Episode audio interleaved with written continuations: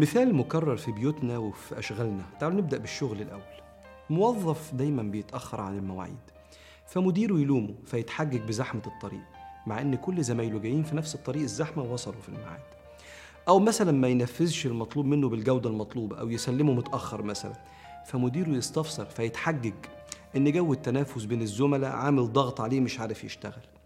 ما يحققش المطلوب من العملاء مثلا فمديره يقيمه فيتحجج إن البلد حالها واقف رغم كل زمايله بينحتوا في الصخر وبيحققوا. زمايله بيحبوه فيعاتبوه فيتحجج بالمدير اللي ضغط عليه ومش عارف يشتغل. لغاية ما ينتهي الحال إنه يقول إن السبب الحقيقي في إن أنا مش عارف أشتغل إني معمول لي سحر بوقف الحال. المهم إن مش أنا المشكلة المشكلة من حاجة تانية غيري أنا مش مقصر. كأن الأحداث والناس هي اللي عملت فيا كده. دي حالة من التنصل والهروب من تحمل المسؤولية مسؤولية التقصير أو الأخطاء. دايما عين بصة لبرة وعقل مستني اللي قدامي هو اللي ينصلح عشان أنا أنصلح مع غفلة شديدة عن إصلاح النفس. وسيدنا رسول الله بيقول ابدأ بنفسك أولا. أول حد على فكرة كان بيتبرأ من المسؤولية كان إبليس. إبليس أخطأ وسيدنا آدم أخطأ. سيدنا آدم قال ربنا ظلمنا أنفسنا وإبليس قال لربنا فبما أغويتني؟ أنت اللي عملت فيا كده. شوف الأمر صدر من الله عز وجل لإبليس والأمر صدر من ربنا عز وجل لسيدنا آدم. سيدنا آدم أخطأ وإبليس أخطأ لكن الناضج المتواضع أخطأ فاعتذر. أما المتكبر الهارب عن المسؤولية أخطأ فألقى اللوم على الآخرين. لدرجة إن ربنا يذكر في القرآن إن في ناس يوم القيامة هتقول له السبب أنت يا رب أنت اللي ما هدتنيش عشان كده أنا كنت بعيد عنك. أو تقول لو أن الله هداني لكنت من المتقين وكأن التقصير من عند ربنا وحاشاه جل في علاه. ساعات بنسمع كتير في العلاقات يقول لك فلان ده بيطلع أسوأ ما فيا عشان كده أنا عصبي وغلاط وكأن اللي بيتكلم ملوش شخصية كأن تصرفاتك جزء من تصرفات اللي قدامك كأنك متبع ليه. يوم القيامة اللي بيقول كده ربنا بيقول إذ تبرأ الذين اتبعوا من الذين اتبعوا ورأوا العذاب وتقطعت بهم الأسباب. علشان كده دايما ربنا سبحانه وتعالى يقول لك بص لنفسك الأول ما تلقيش على اللي بره. قال وفي أنفسكم أفلا تبصرون.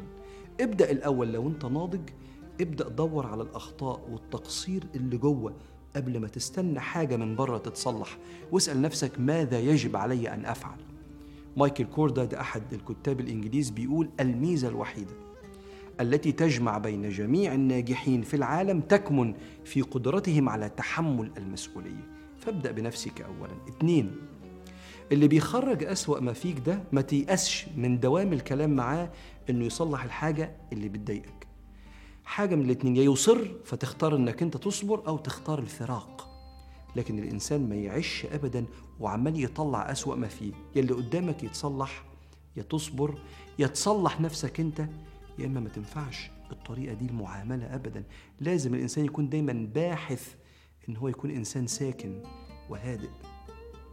جزء من شخصية على فكرة سيدنا أبو بكر الصديق إنه ما سجدش لصنم ولم يشرب الخمر رغم إن المجتمع اللي حواليه كله كان بيشرب الخمر ويسجد للأصنام. لكن هو كان حاله وإذا رأيت الذين يخوضون في آياتنا فأعرض عنهم حتى يخوضوا في حديث غيره. وإما ينسينك الشيطان فلا تقعد بعد الذكرى مع القوم الظالمين. كأن ربنا بيقول لك ما تتحججش بأن اللي حواليك كلهم بعيد. ابعد طول ما هم بعيد. أول ما يقربوا تقدر تقعد وهم بيعملوا حاجة نافعة لكن لا تتحجج بفساد بعض المجتمعات.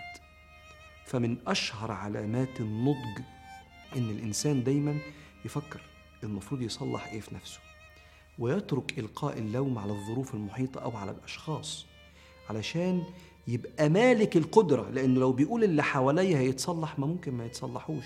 نعيش كده ونقابل ربنا كده ده ما ينفعش.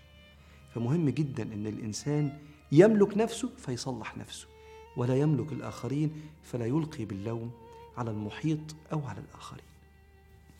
فاللهم يا رب أعنا ولا تعن علينا وكن لنا حيث كنا واجعلنا ممن يستمعون القول فيتبعون أحسنه واجعلنا هداة مهتدين. Thank